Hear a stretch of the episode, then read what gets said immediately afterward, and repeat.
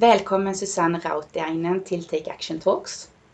Du jobbar på avdelningen på global hälsa på Karolinska institutet där du bland annat forskar kring optimal nutrition kopplat till sjukdomar. Första frågan jag tänkte ställa är vilka de stora trenderna inom global hälsa är som ni kan se. Ja, alltså globala trender, vi kan ju se generellt sett så rör sig världen framåt. Även om man kan tycka att det går lite väl sakta. Eh, vi ser att eh, låginkomstländer börjar röra sig och även medelinkomstländer börjar närma sig mer och mer eh, förhållanden som råder i, i höginkomstländer såsom Sverige. Eh, men i och med det så dyker ju andra problem upp. Eh, man har haft en lång historia av eh, eh infektionssjukdomar som malaria, eh, HIV eh, men även andra infektionssjukdomar.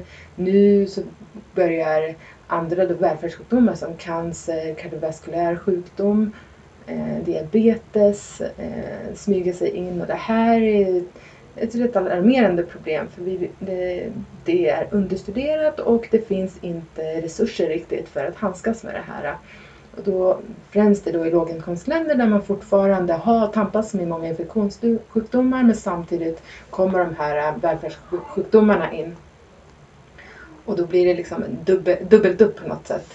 Eh, så det är en global utmaning, eh, absolut, att försöka eh, se till att länder klarar av att hantera det här. Dels genom prevention men också via tillgång till läkemedel och sjukvård. Så generellt blir världen bättre men att det har dykt upp nya typer av sjukdomar, utmaningar. Ja, utmaningar kan vi säga. Vi ser också om vi kan ta eh, bara titta på um, övervikt och fetma. Att vi, med, länder som inte har haft tillräckliga resurser har haft problem med undernäring och hunger. Nu går de från den extremen till att istället bli överviktiga eh, eller drabbas av fetma som är en annan typ av malnutrition. Man brukar prata om begreppet malnutrition där både undernäring och, eh, och eh, övervikt och fetma ingår under samma koncept. För det är, ja, det är ett begrepp som sammanfattar otillräcklig näringstillförsel. Så det är också en utmaning. Man pratar väldigt mycket om att snabbmatskedjor som går in och, och tar över Eh, och kunskapen finns inte alltid att man förstår vikten av god nutrition. Eh, och även med läskkonsumtion som går över. Så det här är, om man tittar på från ett mathållningsperspektiv så finns även de utmaningarna. Att man, vill, man vill föra in en hållbar, en hållbar livsstil eh, för, för, för att världen ska bli bättre. Men det, det är en utmaning. Och ett stort ansvar tänker jag också på, apropå du pratar snabbmatskedjor, det måste ligga ett stort ansvar hos dem och kanske regeringen får sätta upp eh, restriktioner och så mm. vidare. För... Men det är det här också är problemet att de många gånger samarbetar med regeringen eller forskare så det här är väldigt komplext. Och jag vet New York Times har haft en väldigt bra artikelserie kring det här. Hur, hur man har påvisat hur dels läskindustrin men även nu fast, eh, snabbmats industrin eller skräpmatsindustrin hur, hur komplext det är att med policyarbete möter motstånd för att den här industrin har ganska stor makt redan som det är eh, i de här länderna. Eller i många länder. Ja. Det, vi står för, inför många utmaningar, mm. inte bara fossilbranscherna utan snabbmatvarukedjorna och så vidare. Mm. Eh, jätteviktigt eh, att bli medvetna om och, och ta fight mot. Eh, också i och med att eh, det är mycket inriktning på ehm, klimat och miljö här i den här podden då. Vilka kopplingar kan ni se mellan global hälsa och klimatförändringar? Hälsa, miljö?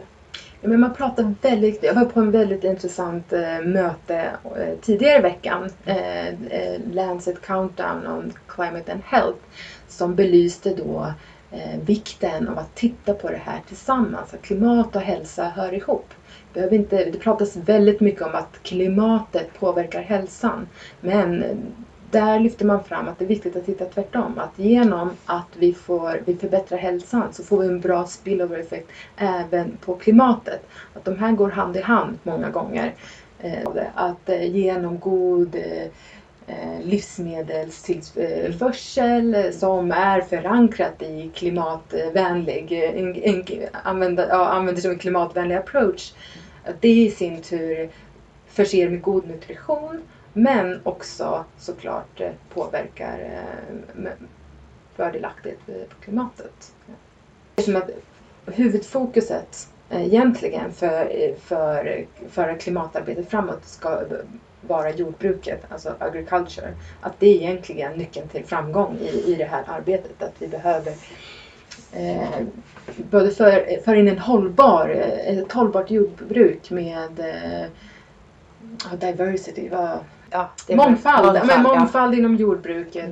Eh, men också att eh, lära ut av eh, bra, god jordbrukshållning där också med eh, minska antibiotikaresistensen, eh, att eh, inte vi i Sverige, ja bekämpningsmedel, ja men precis. Eh, som vi i Sverige har ju rätt bra hållbar, bra hållbart jordbruk i förhållande till många andra delar av Sverige där antibiotikabehandling förekommer i stor grad bland djur.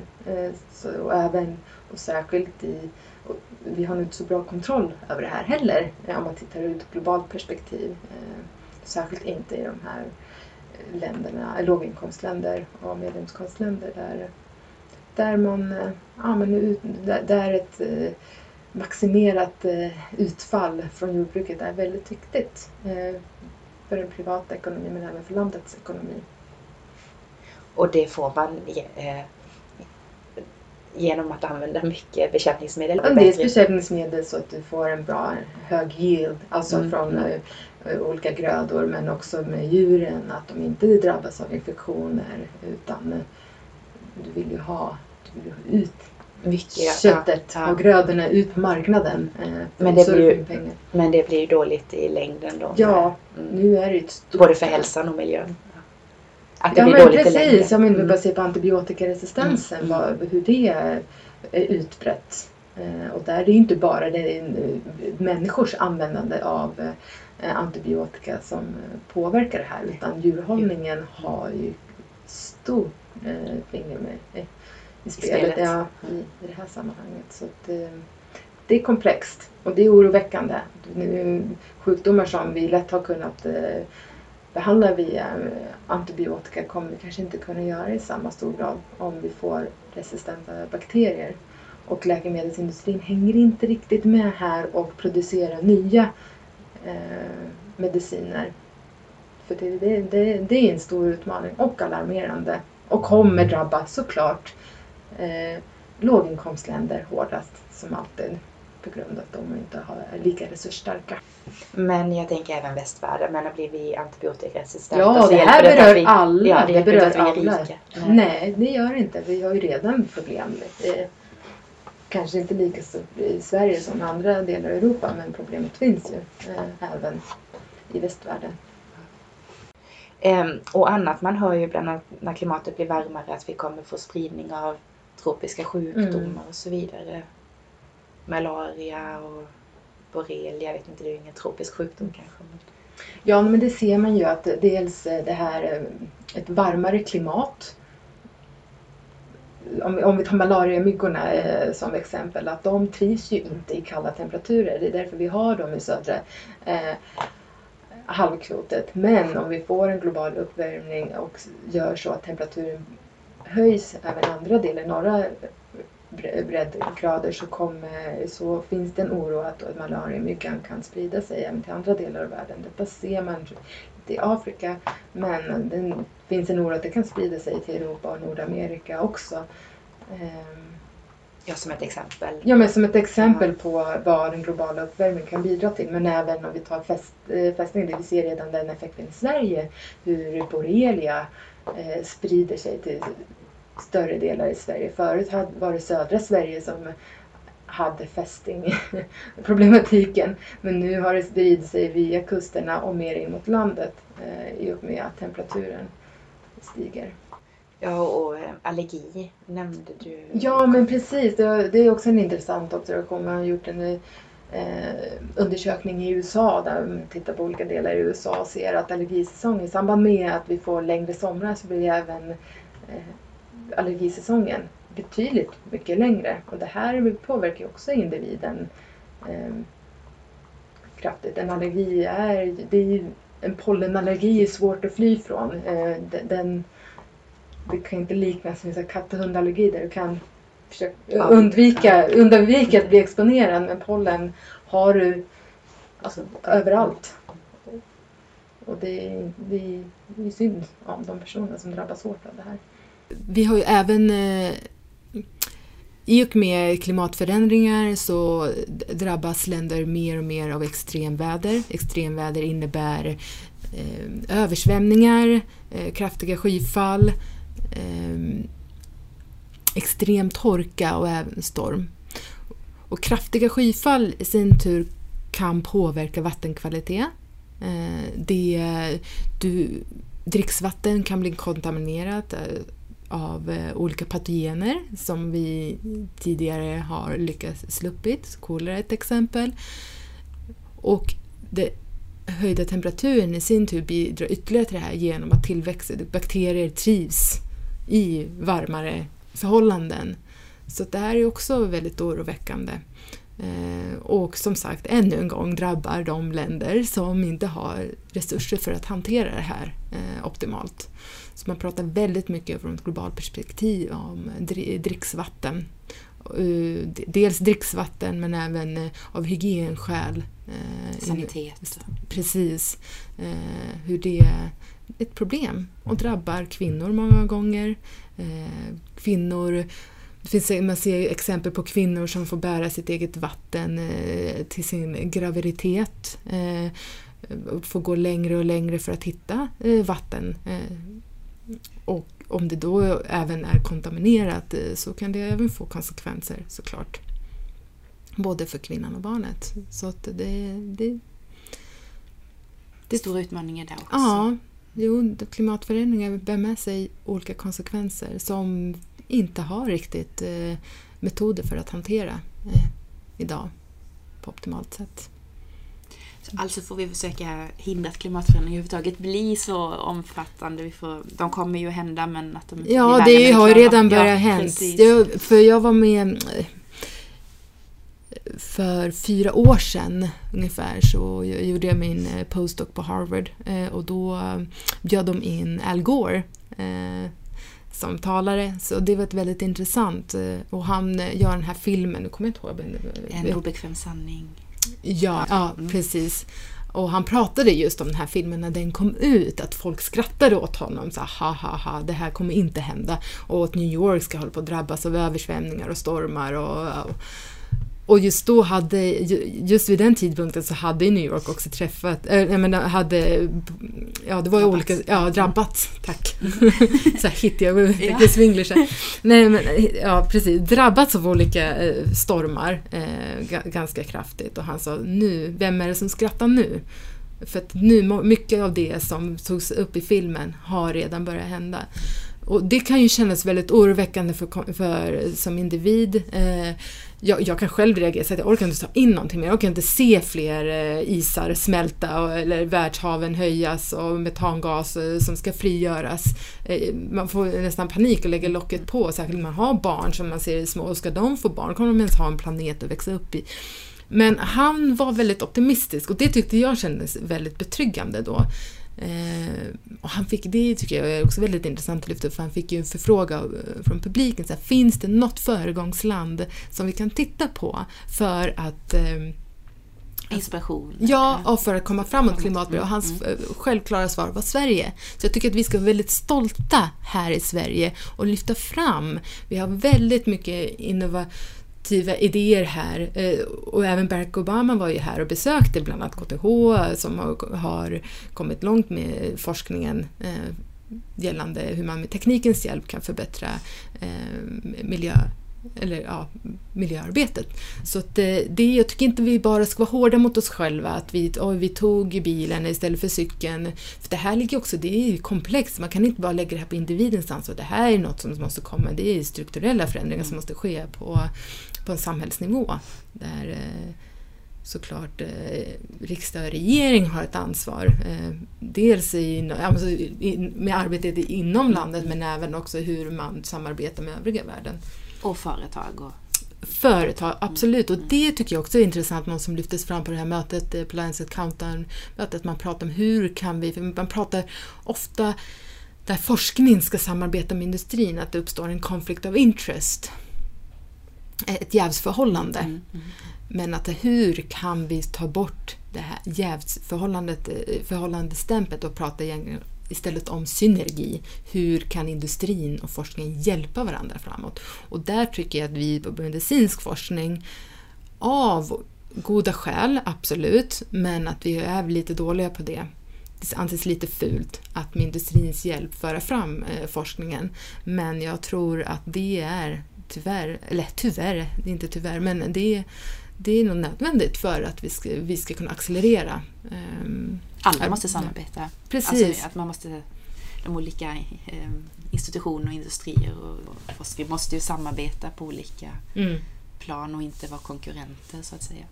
Det där kan man ju gilla i eh, konceptet eh, som Gunhild Stordalen är ja, grundare till. Ja, IT, ja, precis. precis, där man går in med forskning, policy och industri som tre hörnstenar för att försöka få miljöarbetet framåt. Mycket bra exempel. Mm. Och apropå mat då så, eh, det är ju, nutrition är ju det du forskar kring mycket och kopplingar till sjukdomar då. Eh, mat och hälsa hör ju väldigt mycket ihop. Eh, och, och i och med klimatförändringar då så ökar ju risken för att vi inte får tillgång till, till bra mat. Mm. Ehm, skördar uteblir och så vidare.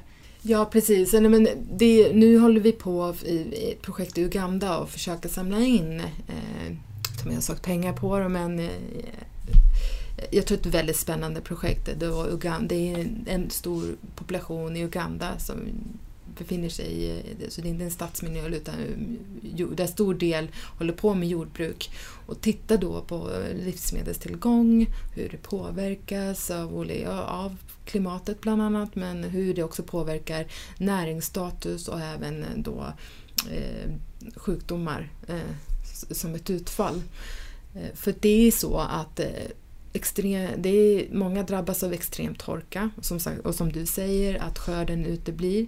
Det i sin tur gör att man begränsar sin att mattillgången begränsas oerhört. Du har, inte möj, du har inte tillgång till frukt och grönt. Och Det är också väldigt säsongsbetonat, och, men också beroende på väderförhållanden. Eh, utan då blir det spannmål blir den huvudsakliga födan Eh, spannmål är ju bra men kombinerat då med frukt och grönt och bönor eller kött och fisk. Eh, men här, det här är ju en så kallad... Alltså den här befolkningen har inte eh, jättestora resurser och då, då har man, man har för det första inte tillgång till kött, eh, fågel på samma sätt eh, som vi. Här, här är det bara att gå på ICA och här har vi snarare tvärtom problemet att vi ska begränsa intaget av kött. Eh, utan där är, jag kan citera min eh, en, eller inte min, en doktorand här som kommer från Uganda. Han sa “Meat is for the rich people”. Så då om vi även slår ut eh, frukt och grönt som en del Eh, del av kosten så är det spannmål kvar och det, det är inte tillräckligt utan då uppstår, uppstår olika näringsbrister som i sin tur har konsekvenser på hälsan. Och blir livsmedelstillgången eh, väldigt dålig, ja, FN eh, har uppmärksammat problemet med forcerad migration, att människor tvingas fly från sina hem. Inte för att de vill utan för att de har helt enkelt inte mat. De är hungriga, de behöver få i sig mat för att överleva. Och eh, de har ju, FN har också sagt att migra, just migration, förflyttningen av människor är också en av de största utmaningarna vi står inför. Och det är ju då inte bara krig som... Det är inte bara krig utan det är fattigdom och det är bristen på tillgång till mat. Mm. Och det drabbar hela världen. Vi har ett ansvar här. Vi kan inte blunda och tänka nej men vi, vi mår rätt bra här i Sverige. Vi kommer nog inte drabbas så hårt. Ja, vi får lite varmare här men det, vi lyckas nog rätt bra. Utan det här, vi, vi måste bredda perspektivet avsevärt och förstå problematiken i det här. Det är något vi som sagt alla ansvarar för. Man har ju faktiskt kommit framåt där, att man ser att hunger och även malnutrition, eller undernäring eh, har gått ner i lite för långsam takt men, eh, men ändå, men nu är man ju orolig nu när klimatet börjar bli ett hot. Att hur ska det påverka? Ska, det, ska vi vända den trenden? Vi vet inte riktigt det, det än eh, vilka stora konsekvenser det får men man befarar ju att eh, tyvärr så här behövs det nya innovativa lösningar. Hur kan, vi, hur kan vi lösa det här med vattenkvalitet? Hur kan vi eh, få jordbruket eh, att bli, eh, bli en hållbar beståndsdel i, ja, i samhället, inte bara i Sverige utan då och Afrika är främst drabbat. Då. Så att, ja, jag ser ändå positivt för att jag tycker att bara under det här året så har det hänt så mycket och hur malnutrition och näringsbrister börjar lyfts upp på agendan. Eh, man tidigare har inte pratat om just hur det är så nära relaterat till jordbruket och klimatet. Eh, att, eh, ja, jag tror jag ser hoppfullt på det här. Och jag tror att vi ska våga. Vi ska våga prata klimat, våga titta och inte känna ångesten. Nej, och vi måste ju. Vi, alltså, mm. Lägger alla locket på så kommer ju bara klimatförändringen bli värre för att vi inte gör något åt vårt Nej. beteende. Det är ju en beteendeförändring och kunskap som mm. behövs för att ja, hålla oss under tvågradersmålet och att inte klimatförändringarna blir värre än vad vi klarar av. Just. Jag håller med, absolut.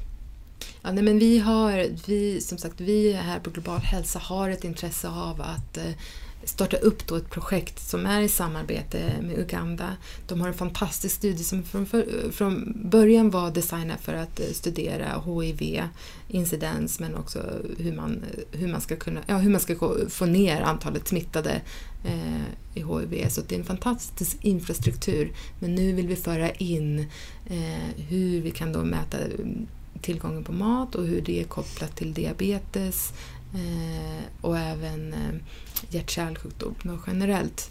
Eh, så vi har så Anna-Mia och Helena Nordenstedt som är samarbete, de har fått ett litet anslag från Vetenskapsrådet för att då samla in den här sjukdomsdatan.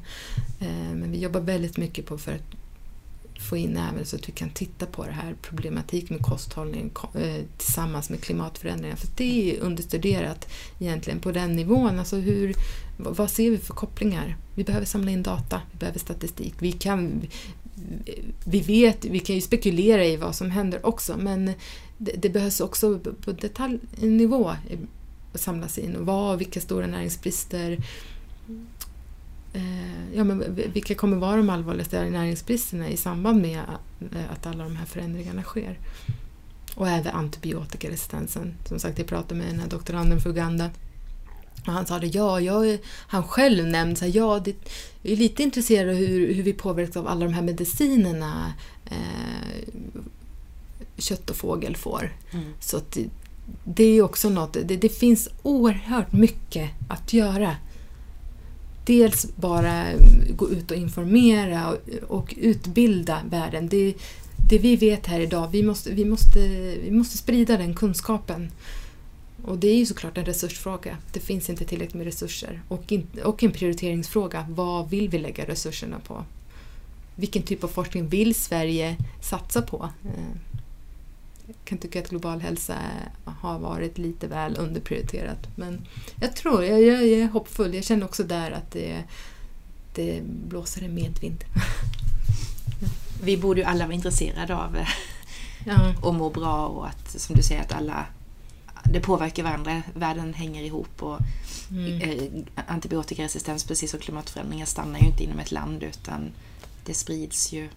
Eh, och mm. får inte en, befolk en del av befolkningen mat så kommer de att flytta på sig och påverka andra delar av världen. Mm. Så att det är verkligen en global värld vi lever i och vi borde vara angelägna om att eh, hjälpa till med allt vi kan och få kunskapen att göra det. Och apropå eh, vad vi själva kan göra då, jag brukar alltid eh, avsluta varje podd med att be om lite tips på vad just vi själva kan göra i vår vardag för att bidra till en hållbar värld utifrån ämnet.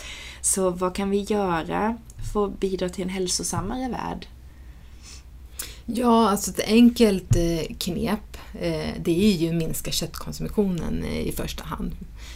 Djurproduktionen står för cirka 15 procent av det totala växthusgasutsläppet vilket är, det är rätt mycket i förhållande till allt men huvudfokuset ligger på fossila bränslen men som sagt jordbruket har ett, eh, står för en stor del eh, främst då via djurproduktion.